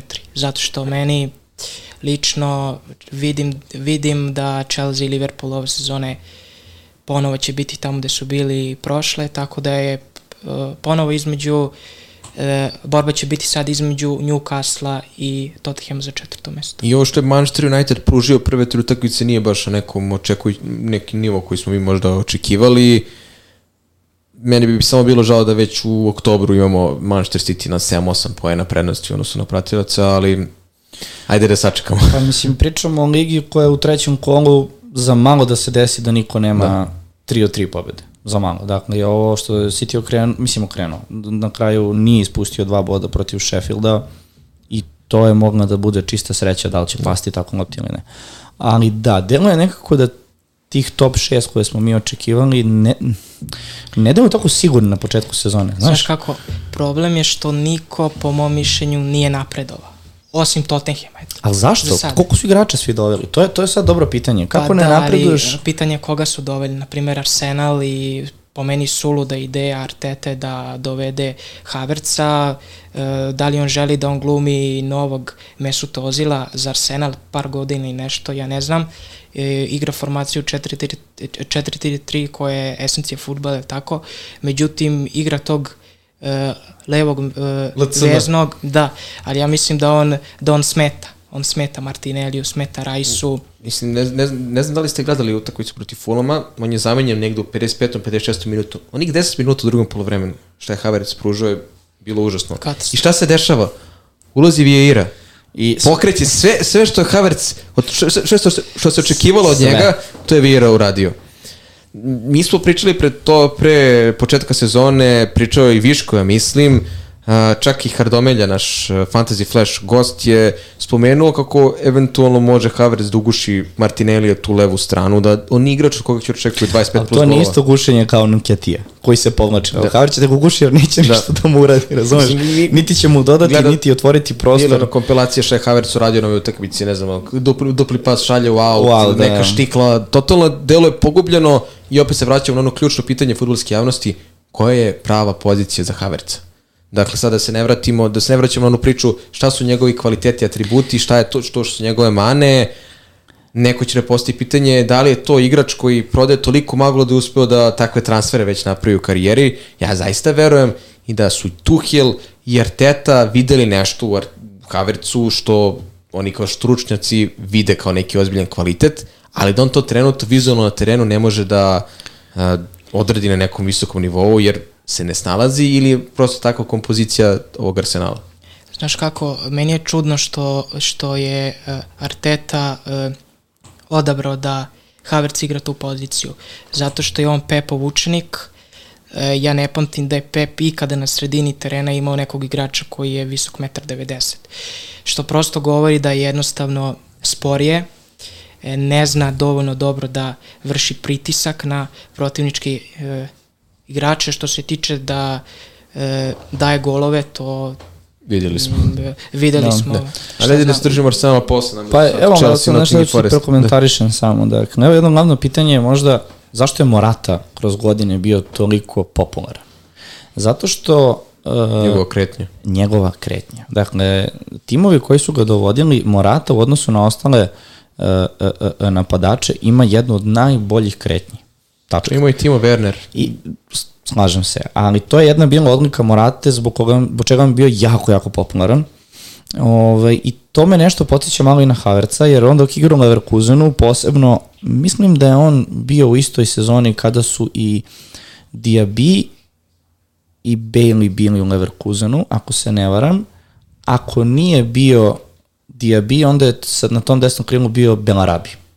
Dakle, Havertz kada je igrao tu poziciju samostalnog prednjeg veznog ovaj, u Bundesligi, on je, on je stvarno bio ozbiljni igračina i taj prelazak u Chelsea, to ubeđivanje njega da postane špic, odnosno da postane napadač u trenutku i sada se vraća na sredinu, meni deluje da on više jadan ne zna, svake sezone mora nešto drugo da izmisli, nešto ne drugo da radi. Udara, ne znam gde udara. Da, da. Mislim, pogubio se, ali ono, tri, tek su tri utakmice prošle, ajde Tako malo je. da sačekamo da se taj pritisak prosto Dobro, malo cena spusti, je svakako da. pritisak za celu sezonu da. koja ćemo biti, ali što ti kažeš, ajde mi da idemo dalje. Uh, sledeća utakmica Chelsea Nottingham Forest. Uh, evo idealne prilike da prokomentarišemo diferencijale ovo kolo i svako ko je dovodio Sterlinga ili čak ako ima Gusta, svaka mu čast. Uh, prvo pitanje je da li razmatrati dovođenje tih igrača, da li je ovo bilo samo jednom u pet utakmica ili Chelsea ipak je da malo uhvatio ovaj vazduha i da će moći da održi ovaj, ovu formu, odnosno ritam u narednom periodu. Kao što sam rekao, imaju dobar raspored. Mm, ja bih za ovo kolo ubacio i sigurno ću uh, sugerisati da ubacimo nekog igrača iz uh, Chelsea-a. E, mislim da je to, da će to sigurno biti ili Chilwell ili Gusto i Sterling je odigrao perfektno prošlu utakmicu, tako da mislim da samo može da nastavi u tom ritmu. Sad koliko, ne znam, ne verujem da može da, da pruža ikada više partije iz City-a, ali e, za sad ono što je prikazao protiv Lutona, nema veze što je Luton u pitanju, to je po mojom mišljenju zadovoljavajuće. Pa Čel, pre svega Sterling, je očigledno kliknuo pod početinom, to je evidentno. Još protiv West Hema je bio vrlo opasan, Enzo je promašio penal, imao je zaista odlične prodore, bio je aktivan, delovalo kao da nije u onoj letargiji koji je bio prošle sezone, mada ceo tim je prosto bio užasan prošle sezone. Chelsea ima kratkoročno još uvijek dobar raspored, dakle ima nekoliko utakmica, tu je bila na tema Tottenham koji ima dugoročno dobar raspored, Chelsea koji ima kratkoročno dobar raspored, dakle Sterling Madison, Madison Sterling koji je tu sad eh, bitan za dovođenje, dakle Chelsea dočekuje Nottingham Forest, imao je, Nottingham imao solidnu defanzivnu statistiku u prva dva meča, ali opet nije ekipa od koje očekujemo da će tako lako da sačuva mrežu, naročito ne protiv uh, Chelsea-a. Dakle, osim Chilwella i Jacksona koji su bile dve najpopularnije akvizicije pred uh, treće kolo, sada se priča o Gustu i Sterlingu, dakle to je već četiri futbolare Chelsea koji su tu za fantasy. Jeste, ali znaš što tu meni malo čudno? Što mi pričamo o nastupu Chelsea protiv Lutona. Ide, Koliko će je, puta Sterling imati Luton, to je Koliko će Chelsea imati Luton da. u narednom periodu? Mislim, oni ako ponove stil igre protiv i drugih ekipa, ok, mo, da. ajde da nas demantuju, ali da li stvarno možemo da dopustimo sebi, ako već možda imamo jednog igrača Chelsea, ajde da kažemo da je to, na primjer, Chilwell, ok, pošto redko ko ima Sterlinga, uh, da li možemo stvarno da idemo na dupliranje nekoga iz odbrane, Uh, da li će to biti gusto ili sad Sasvim, zavisi. Pa, da, nekog kad Ali izaberemo. ne, nelogično mi je u situaciji kad imaš i Gusta i Chilvela da uzmeš trećeg defanzivca Ok, Chelsea. ok, neka to bude gusto. Ili čak ići, evo, dakle, neki Sterling ili Jackson u napadu. Da li stvarno ići na osnovu rezultata protiv Lutona i nekog džene, džene, da kažemo, rezultata u prva dva kola, dati toliku šansu Chelsea? Pored Tottenhama. Možemo trpeti Chelseaevi Znaš. igrače par utakmica i onda napraviti transfer. Pre, pre svega je tu bitan taj raspored. Uh, međutim, ajde... Ako Pa evo, ima- Nottingham, Nottingham Forest, da pročitam Nottingham Forest, Bournemouth, Aston Villa Fulham. Evo, mislim da su ti to četiri Da. naredne skroz, skroz Tri od četiri utakmice da je Chelsea ako išta bar blagi favorit, ako ne negde i veliki favorit, protiv Aston Ville Nama, Nema- kako staviti i Gusta i Chilvela protiv Nottingham Foresta, Ali- gde ali ti dođe jedan zato Avonji... Ja mislim da ako imaš Chilvela već u timu, a ima ga dobar deo igrača, nemoj da uzimaš Gusta. Dakle, tebe Ok. niko ne garantuje da sad Chilwell neće da ima dve asistencije. Ako si gledao utakmicu, Chilwell je imao jedan na nula sa golmanom gde je rešio da doda. Da je Chilwell dao gol, bio bi Sviđa mi isti... se kako si rekao 1 na 0. Ono je bilo gotovo, da. Čist Ja u životu nisam video, nema veze što nije napadač, da ti imaš situaciju da je gol ispred tebe, da ti dodaješ levo. To je kao da pogrešiš na FIFA, hoćeš nešto da uradiš, neku Pa fintu samo i tad si dodaš desi, pogrešno. Levi da. back, levi Da, back, nije, nije centar. Dakle, Chilwell, Gusto, ako nemate ni jednog od njih, možda je Gusto bolja opcija jer je jeftiniji, ali Gusto ima veliki znak pitanja za sebe šta kad se James oporavi, a najavljeno je sredinom septembra da se vraća. Chilwell je dakle tu sigurniji za minute jer on nema trenutnu alternativu dokle god je zdrav, nadamo se da će što duže biti. boga mi. I onda Sterling Jackson, Sterling Jackson. Obojica će 99% u narednom periodu imati sigurne minute, jer evo nema ni Mudrika, uh, Nkuko neće biti do decembra, Sterling s ovim partijama, ne verujem da će Poketino da ubacuje bilo koga, nema ni Karnija Čukvu Moeke, dakle pričamo o igračima koji će zasigurno imati jaku minutažu, odigrali su dobar meč protiv Lutona, može bude mamac da privuče mnogi igrače, da ih Nottingham zatvori na jedan gol ili da Sterling ili određeni igrači ne urade ništa, ali moje neko onako prosto mišljenje je da gledamo ipak raspored da Sterling ili ako imamo već nekoga da bar uđemo sa jednim, eventualno dva igrača, tri futbolera Chelsea su mi možda i previše, jer ako neko ima Jacksona i Chilwell ili Jacksona i Gusta, bolje da uzme Madisona, pa da ima tu malo, kažemo, šareniju sliku tima. Eto, od Se mene slažeš? toliko. Slažem se, slažem se Sa, potpuno. sa druge strane, ajde malo da prokomentarišemo Nottingham Forest. Taj Ivo nije, sedam utakmica u nizu na kojem je postigao gol. da. Čekaj, rekord je 11. Vardy. Nije siguran, ali mislim da Vardy drži rekord. Mislim da je Vardy 17. Dakle, pričamo o napadaču koji je 6,5 miliona, nikoga ne spominje, just onako totalno je van neko hyper jer igra za Nottingham, Morgan Gibbs White, asistencije. Prošle sezone sam konstantno forsirao tu priču o diferencijalima iz Crystal Palasa, sada možemo da se pozabavimo ako i Brennan Johnson ostane da imamo Evonije i Gibbs Whitea u Nottingham Forestu koji ne garantuje defanzivne poene, ali očigledno ima dva igrača koji su ozbiljni toliko da mogu svakom timu da postignu gol. Ili da makar donesu poene na ovaj ili onaj način.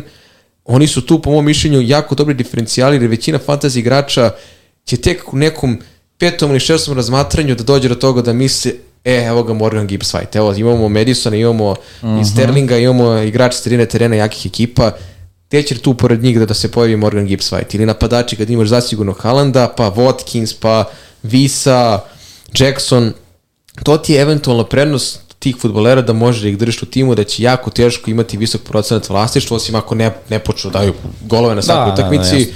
hoćete diferencijale, njih dvojice zaista deluju kao pristojni. Pritom zaboravljam, zaboravljaš i dakle Langu koji ako ode Johnson može biti Da, još novi uvijek, starter. da još uvijek nema sigurne minute, Tako je. ali mi pričamo Ali jedno- 5 miliona, 5 miliona 5 košta miliona na cena, tako to su- da on to su- A ono što je prikazao u onih Protiv Arsenala. protiv Arsenala kad je ušao tako.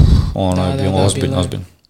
Dobro, ništa, onda ćemo ostaviti svakako da, šta smo rekli za sada, Tottenham, kao Madison i Udogi, verovatno je neke da, opcije. i eventualno a- razmatranje Chelsea. Sterlinga Da, ili nekog imamo Chelsea. tu Chelsea i zašto da ne iz Nottingham Foresta Da. neko od momaka. Mislim, svako ih nemamo, tako da, okej. Okay. sledeća utakmica, ako se ne varam, to je poslednja u City subotu od 16 časova za multiprenos, tako, to je Manchester City Fulham. E sad, Fulham koji je oduzeo bodove Arsenalu i to, boga mi, onako... Sa igračem manje. Sa igračem manje bezobrazno. Uh, Palinja, ako se ne varam je dao Jeste. drugi, ali tako, da, iz kornera. Ove, dok je City dalje jedina ekipa koja, dakle, nema izgubljene, odnosno prosute bodove. Uh, malo mršavije protiv Sheffield Uniteda, ali dobro, sa takvom odbranom kako su oni imali i koliko su se povukli nazad. Znaš kako, Fulham će živeti uh, bez centafora još neko vreme, ali kad dođe decembar, januar, Boxing Day, utakmice na svaka dva, tri dana, oni nemaju klasičnu devojtku koja zaista može da pravi mm. razliku. Tako da ja mislim da onih 2-2 protiv Arsenala je bilo više do Arsenala nego do Fulama. E, a što se tiče City-a, e, bio sam skeptičan. Što se tiče pozicije, e, u veznom redu, kada je otišao Gundogan, došao Kovečić, on nije toliko kreativan kao što je Gundogan, međutim oni već imaju. Malo je, malo je drugačiji tip igrača, ali Gundogan, baš sam komentarisao par puta, igra kao da je već 3-4 sezone otprilike u City. Toliko se osjeća ovaj, slobodno na terenu, ali Kovačić, da. Kovačić misliš, Kovačić? Šta sam rekao? Gundogan. Gundogan. To je kažem kao Gundogan, ali Aha, da, to, mislim to, na Kovačića, da. Uh, pa znaš kako, evo, to si me sad dobro posetio, uh, znaš na koga bi možda trebali da skrenemo pažnju? Na Alvarez. Tu je njemu jedina mana što on i dalje se vodi kao napadač, a igra na, na, na, na sredini terena, ali izgleda da je prva prava zamena Gundoganu, odnosno nekoj osobi koja će uletati tako u 16 terac i imati možda učinak u gol, sa golovima ove sezone, Alvarez. Čak daje njemu prednost odnosno na Fodena na sredini terena, ali taj problem Alvareza je što nam uzima mesto u napadu. Znaš, u fan, iz, iz ugla fantazija. Da. Ajde za početak samo i dalje nisam pronašao konkretne informacije šta je sa Kanjijem, pošto smo za Fodena znali da imao neki nije, nije, virus. Nije sigurno. Delo je da se na, na ono, nedelju dana da se, da. da se menjaju da. kod doktora. Pa nema ni Guardiole. Uh, ovu utakmica Manchester City je jedna zanimljiva izjava Rodrija me naterala da razmišljam ponovo o njemu. Aha. Uh, spominjali smo Rodira pre početka sezone da smo onako sa nekim, nekom velikom dozu velikom dozom zasićenja verovali da on ne može da nasledi Gundogan niti da bude neka fantasy relevantna opcija, ali ono što on izjavio kada je rekao pa nema De Bruyne, nema Gundogana, kao sada moram malo ofanzivno kao da pokrivam neke svoje zadatke, evo postigao gol. Da postigao gol i u prvom kolu i asistirao u prvom kolu. Dakle, dva gola je asistencija na tri utakmice za igrača koji je zadnji vezni, da. istina. Je jedna ozbiljna cifra, još njegova cena poprilično povoljna, ali tu sad opet imamo ono pitanje kao za Gibbs Fighter, ček imamo, ono, imamo drugi igrača sredine terena za koje znaš iz drugih timova da će da uh, budu ofanzivni, da će da budu stalno nadomak poena, gdje tu sad ugurati Rodrija još ako imaš Halanda eventualno nekog pozadi. Druga stvar, Foden je počeo sa klupe, on je očigledno imao neki virus, ali evo čim još imao jednu, jednu onako slučajnu asistenciju, ali opet donao je poene, ja verujem da će on biti starter već sad protiv uh, Fulama. Znaš te je tu najiskreniji odgovor? Yeah. Ni da, niko ne zna. Apsolutno. Prosto. Ja jedino što da. možda mogu da ti garantujem da će Alvarez da. da startuje. Alvarez koji je nije imao sreće na ovoj utakmici, imao je dosta udaraca, imao je neki ozbiljan XG, skoro jedan. Tako da... Mm, uh, mislim da 0-8. Da. Haaland koji promašio penal na kraju dao gol, ali Haaland nije imao, nije on imao sreće mogu komoto da postigne par golova, tako da se nadam da neko ko igra ozbiljno fantaziju neće da ga tek tako skine sa skine iz njegovog tima ili eventualno mu Zašto se razmišljaš na, na to? Pa, uh, želim da pokrenem neko drugo pitanje. Ja ne znam zašto su ljudi na početku sezone uh, svi bukvalno stavljali Fodena, oni koji su ga imali, umesto Bernarda Silve. Kada, pa, kada, kada ti pogledaš ko je dao gol u polufinalu Lige šampiona protiv Real Madrida, odnosno dva gola, tako? I kada pogledaš minutažu i kada pogledaš to koji profil igrača Pep želi i voli, ja mislim da je, Ber, da je Bernardo Silva za ovu cenu koju, je, koju ima u fantaziju ozbiljna opcija, tako ja barem gledam, ja mislim da je on, pored Haalanda naravno, jedini siguran u Cityu. Sad, ja sam ga na primjer ubacio baš pred prvo kolo, pre deadline jer izašla vest da će biti starter, pa sam ga ubacio umesto Martinelli jer sam računao da će imati poene protiv Barnija, to međutim nije bilo tako ali jedan od razloga zašto ga dalje držimo u timu i zašto mislim da će konačno imati veću minutažu, nema De Bruyne. Ono što je on pružio protiv Newcastle-a je bilo De Bruyne 2.0. Dakle, njegovo učešće u igri... Uh, Jeste, to je... Te, taj, to pronalaženje prostora između linija uh, def, defanzive i sredine Newcastle-a, toliko stvorenih šanci, toliko opasnost po gole, zaista mislim da sada kada nema De Bruyne-a, da on može da igraju i sa Bernardo Silom, da eventualno Alvarez može bude neka žrtva rotacije, jer dok god je ovako skraćen uh, sastav, zaista mislim da će imati veću minutažu. Ja se to apsolutno, apsolutno slažem s tobom, ali onda na kraju dana izađe Alvarez u startnu i Foden na klupu. Ono što je bilo sa Fodena rečeno da imao stomačne probleme. stomačne probleme, da ili ne, ali onda ga opet ubaci i on odigra ne. i mislim... Ali jedno drugo pitanje koje ja imam za vas dvojicu, defanziva City-a i čuveni Ederson, kojeg su prozvali onako na Twitteru 6-2, 6-2, 6-2, dakle jedan clean sheet bez bonusa, pa naravno utakmica da. prima gol. Evo sada protiv Sheffielda ponove primio gol u duše City imao dva clean sheet u prva dva kola, ali mi deluje da odbrana City je naročito Ederson kao neki skuplji golman, nisu možda najbolja opcija i rješenje jer mogu da se nađu jeftini golmani, a odbrana prosto takva, evo sada Kanji nije započeo, nije ni bio u sastavu, jedan je popularnijeg trenutno, gde ni sam ne znaš šta ja, može da izaći. tim koji nije primio gol sada? Tim koji nije primio gol, toga da. sigurno nema. To ti kažem. Da. Ko je, ko je još u City primio sam gol? Ali pričamo o, o, raz, o razlika tu bitnu ceni. Da li je bolje imati u Dogija od 4,5 miliona? A da čekaj, pričamo o golmanu prvo i o odbranbenom? Ne, pa pričamo i o golmanima i o odbranim igračima. Ali je prvo golman gde je Ederson skuplji od većine golmana. Slažem se. Ali evo, na primjer, jedan od razloga zašto sam ga ja don, doveo u svoju ekipu je upravo to da imam utisak na dužem periodu, odnosno, gledaš, mesec, da. dva, godinu dana, da će on sigurno skupiti jedno između 15 i 20 ovaj, clean sheetova, kako se to kaže, jel? Ovaj, gde ti, pored toga, ja ne vidim nijednu drugu ekipu, makar od početka sada sezone, da će moći tako nešto da uredi. I na kraju, kada budeš sabrao sve, Ederson će ti biti pri samom vrhu sa tim bodovima. Ok, pad, skok, pad, da. skok, ali evo, pogledaj sada odbranu, evo vidjet ćemo protiv Fulama, ja ovde očekujem da, da City neće premiti gol ne zbog City-a, nego pre svega, dakle, cijela situacija, ono što sam ti da. rekao, koliko je bitno po meni da imaš čvrstu odbranu na početku ove sezone i da će to biti odlučujući faktor za titulu između Arsenala i City-a, kako smo pričali na početku da. sezone, da će to biti dve ekipe koje se tuku, ok, ali pogledaj i Chelsea, i Liverpool, i Newcastle, i šta mi to ostalo Tottenham. Dakle, kad uporediš njih sa City-em, mislim da je City ove sezone lesticu više u odbrani i da je to možda jedan ključan faktor za, za izbor Edersona. Da, da, uh, ja mislim da uh, ako neko želi da uzme uh, štopere City-a, jedina opcija je golman. Ja bih izbegavao i Walkera, i Stonesa, i Akanjija, zato što tu će biti mnogo rotacije, tako da Ederson, što ti kažeš, jedini problem je kad on kad City sačuva mrežu, on će imati šest pojena. On nema bonus pojene. Redko kad ima odbrane. To jeste. To jeste, da. okej. Okay. Mada i on zna da iznenadi da. sa nekom bravurom, ali slažem se, manje. Nekako mi deluje kao sigurica. Ostaje da. ti tu cele sezone, manje više, mislim, vidjet ćemo, da. možda me, možda me demantuje. Jeste, ali Sigurica je bila i proti Sheffield Uniteda, pa su primili gol. Pa ga je okay. ali je li bio Sigurica proti Newcastle? Nije. Nije. Ali, to ti, to ti kažem, znaš ovaj, koliko je ljudi stavljamo napadača Newcastle da. protiv City. Vidjet ćemo, još je rano. Mislim, no, uzeti uzorak od tri utakmice, da, mislim da je to... Ovaj, generalno, delo je da je Haaland ono, tema, to je to, mora da, da ostane u ekipi.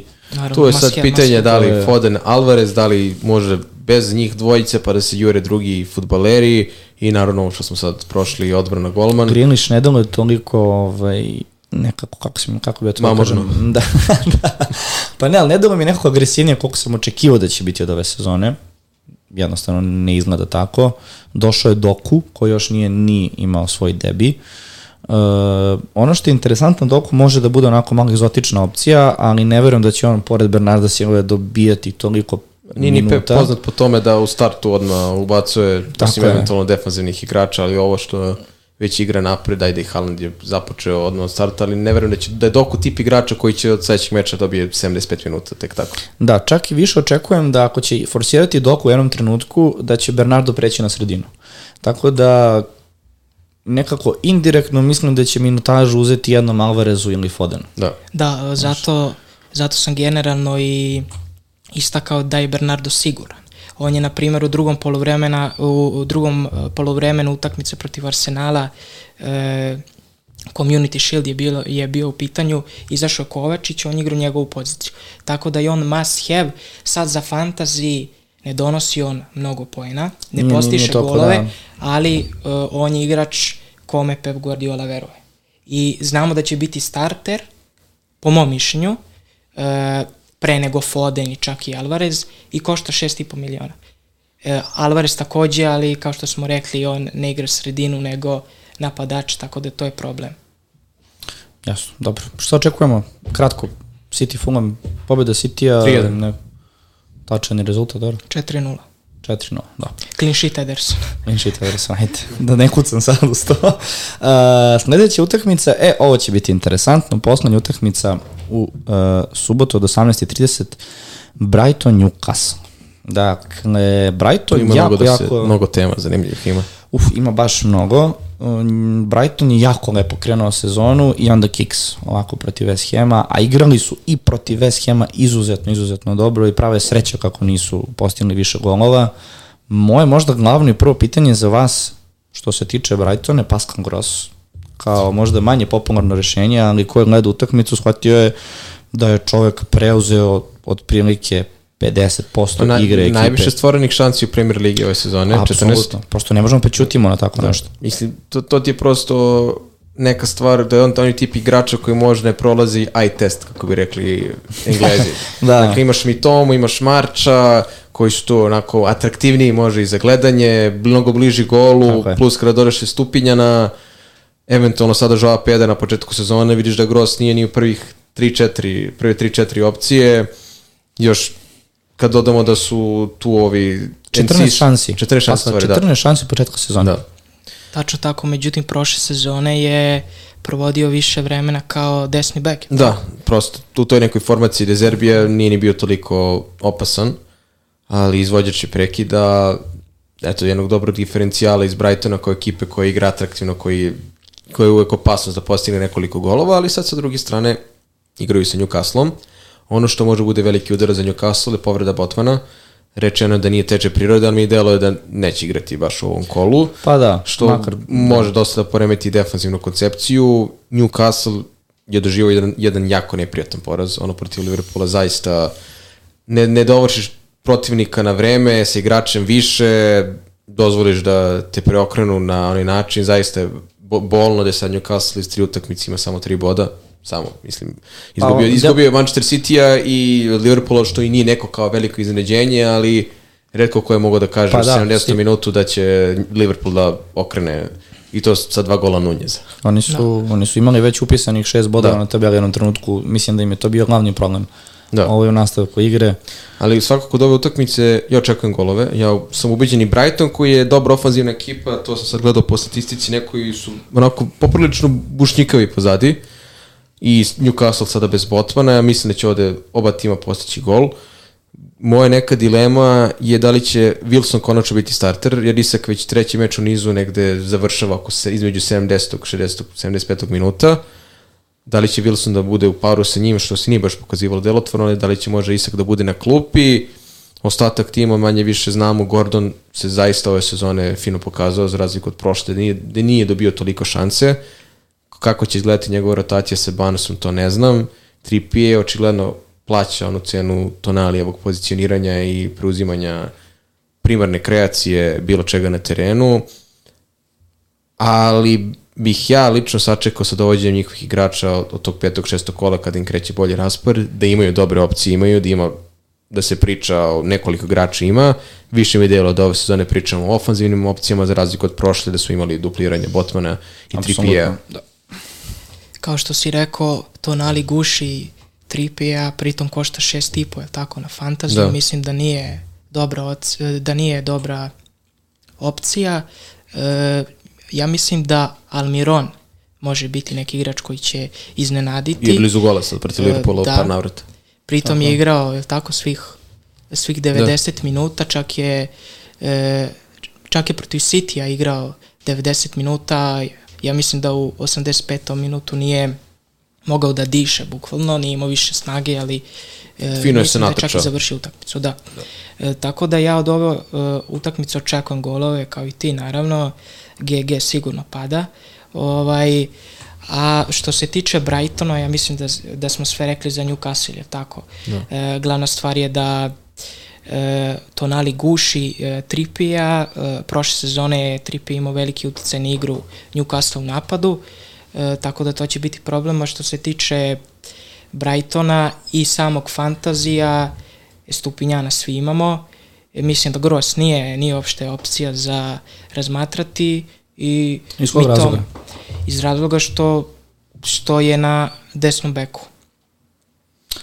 Ok, ali ako gledamo realno učinak njegov i koliko doprinosi, ako nastavi ovako, on može da bude i štoper, znači će nam u fantaziju, znaš. Slažem e, se, ali ovde se vodi kao sredina terena, e, mislim da nekad statistika ovaj, greši, kao u tom slučaju što se tiče njega. Za Brighton ja bih samo imao je Stupinjana kao i svi ostali i Mitomu koji će, doći će do rotacije, ali on će sigurno igrati. Sad jedino moje pitanje za vas, to je isto vrlo važno za fantaziju, naredni raspored Newcastle, a ne, Brightona. Pa dakle, evo, to, samo čite imena u narednih šest kola sa kim igraju. Brighton.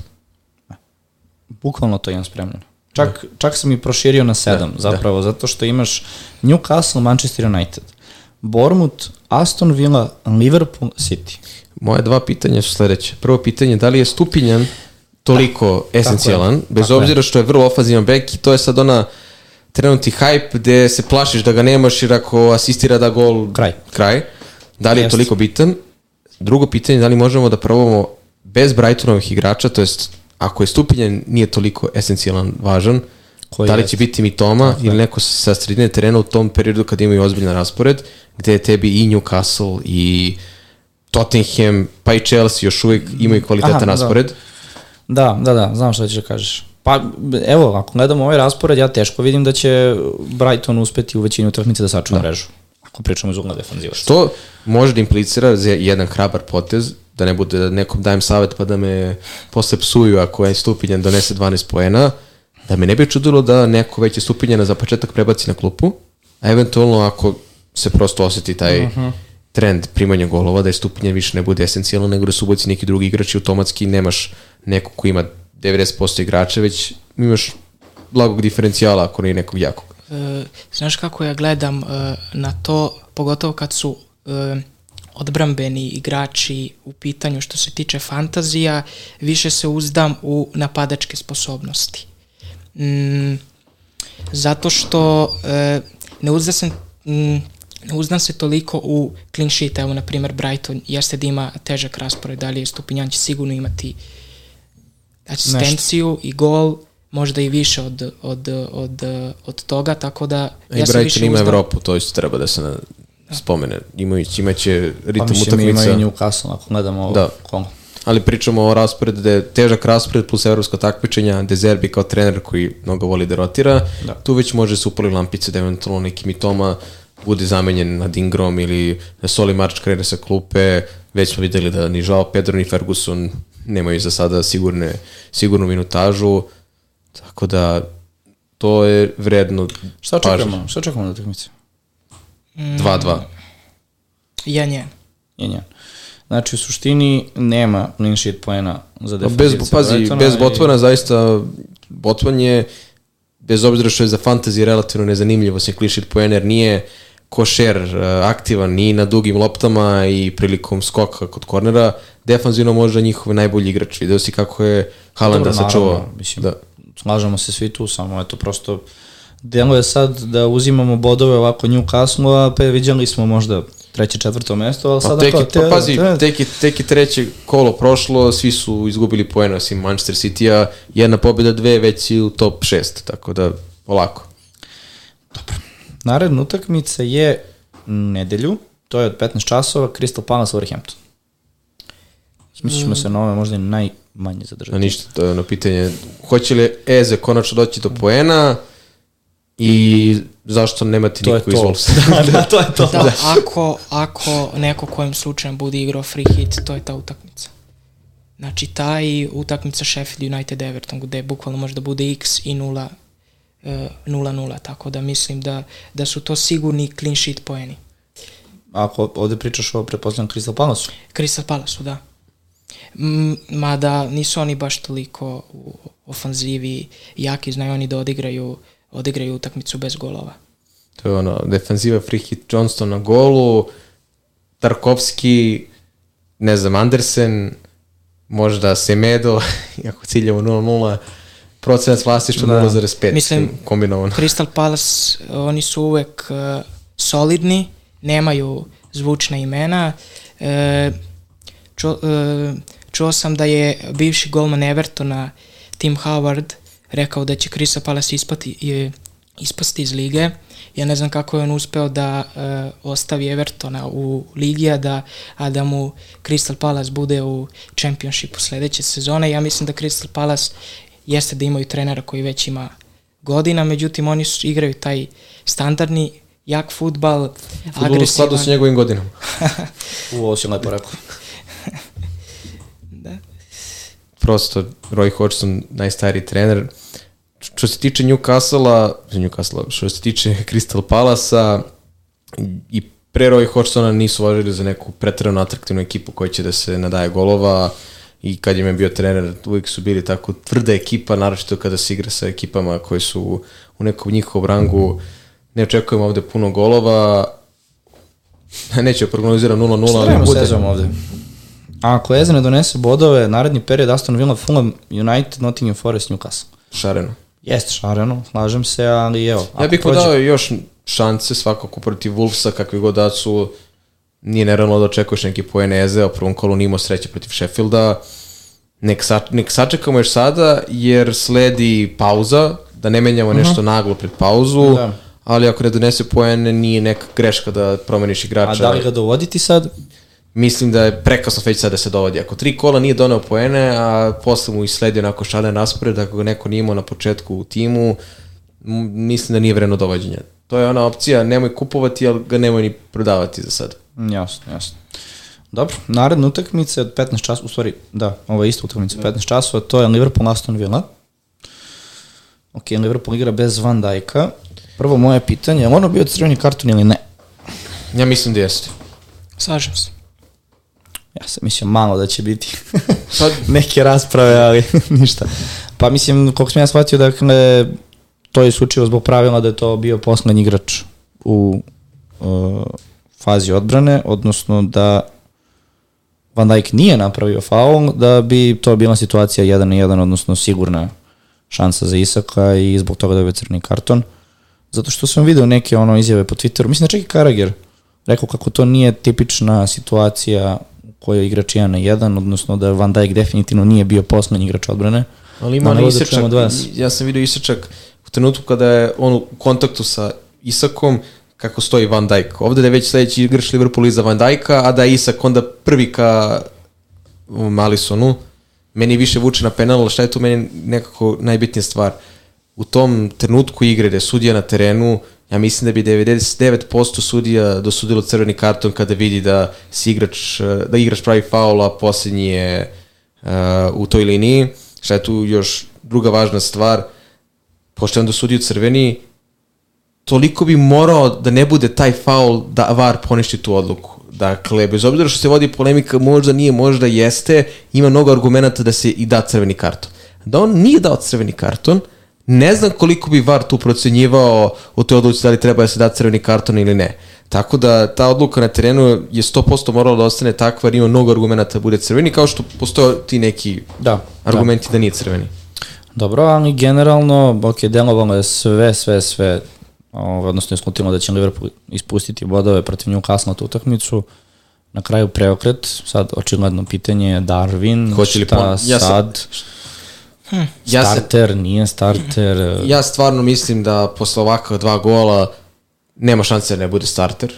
Da li će igrati umjesto Žote ili Gakpa, ali verujem da će igrati pre umjesto Žote, ali ovakav način na kako on izvukao Liverpool sa uh, dva igrača, sa, sa igrače manje, gde je konačno uspeo da nekako pokori taj njegov trening gde je on uvijek imao visok taj expected goals, a nije uspevao da pogodi goluje. okvir gola. Sad je dao dva Da. da. ono, pravog gola kako treba napadač da postigne. Iz, iz šuta. Da, i šuta. Iz šuta, što je veoma bitno. I šuta, ja mislim da zasluže konačno da bude starter, tu je opet sad ovo pitanje za fantasy, da krenu svi onako da ga dovode, kao evo ga Nunez i onda ne postigne gol i posle ponovo bude na Visoka klupi. cena, visoka cena, deluje da je to sad najveći problem. Sedam i po. 7,5 Da. nije toliko strašno, To je, na primer, prebacivanje nekog Jacksona u Nunjeza, Watkinsa u Nunjeza, ali zašto bi neko prebacio Jacksona ili zašto bi neko prebacio Watkinsa koji ima Absolut. ovakvu odbranu Liverpoola. Pa evo Watkins. Da, a opet i Jackson, Jackson i Watkins imaju za sigurnije minute, sigurno od Nunjeza. Tako da, eto, Salah tri utakmice u nizu donosi poene, uglavnom 4-5 poena i na onoj prvoj utakmici imao asistenciju, u novoj drugoj promašio penal, pa zato ima manje broj poena. Nekako mi deluje da Salah uh, nije više toliko pretnja za neki gol iz igre, ne mogu da kažem da mu fali neka magija koju je pre pokazivao na terenu, ali mi većinski deluje da će golovi biti iz penala ili neke kontre. Naravno, cena od 12,5 miliona nije argument za dovođenje, makar ne u ovom trenutku. Još sad... Ja ga imaš, imam u timu. Da, A da, to je, to je razlika da li ga imaš u timu od početka sezone ili sada hoćeš da ga dovedeš pa mora da promeniš bar dva igrača da bi mogo da ga dovedeš. Ali oni koga ima, nek se nada da neće da ode u tu Saudijsku Arabiju, mada mi to delo nerealno. Onda priča, priča se ponovo o tim nekim milionima, bez obzira što je Klopp negirao. Svakako ne znam, ali da se vratimo na fantasy. Liverpool, Aston Villa, ja ovde isto očekujem golove. Čak možda više očekujem da će Liverpool prvi da primi gol, jer eto, delo je jako nesigurno, jer sada već su da, da, da, da, će biti dosta golova. Tako da svakako. da Diaby, Watkins i Matty Cash koji je dao jednu zanimljivu izjavu, to jest uh, Emery je rekao da on igrao, ume da igra i krilo, ono što je odigrao protiv Banlija, dakle, je bilo... je bilo zaista lepo za oči, za one koji ga naročito imaju u timu, Tako da eto sad ponovo Aston Villa pruža neke fantasy opcije, naročito kad imamo Diabija i Watkinsa kao nekoga koji će verovatno biti u ve, dobrom delu timova, dobrom broju timova, a eto Cash nek se isprati njegove partije, ali iz Liverpoola nemam nikoga, ja sam i Diaza prebacio Beuma. Ne znam, ti imaš Salaha, mm. ali tako? Ja imam Salaha da. i Trenta ću imati za četvrto kolo.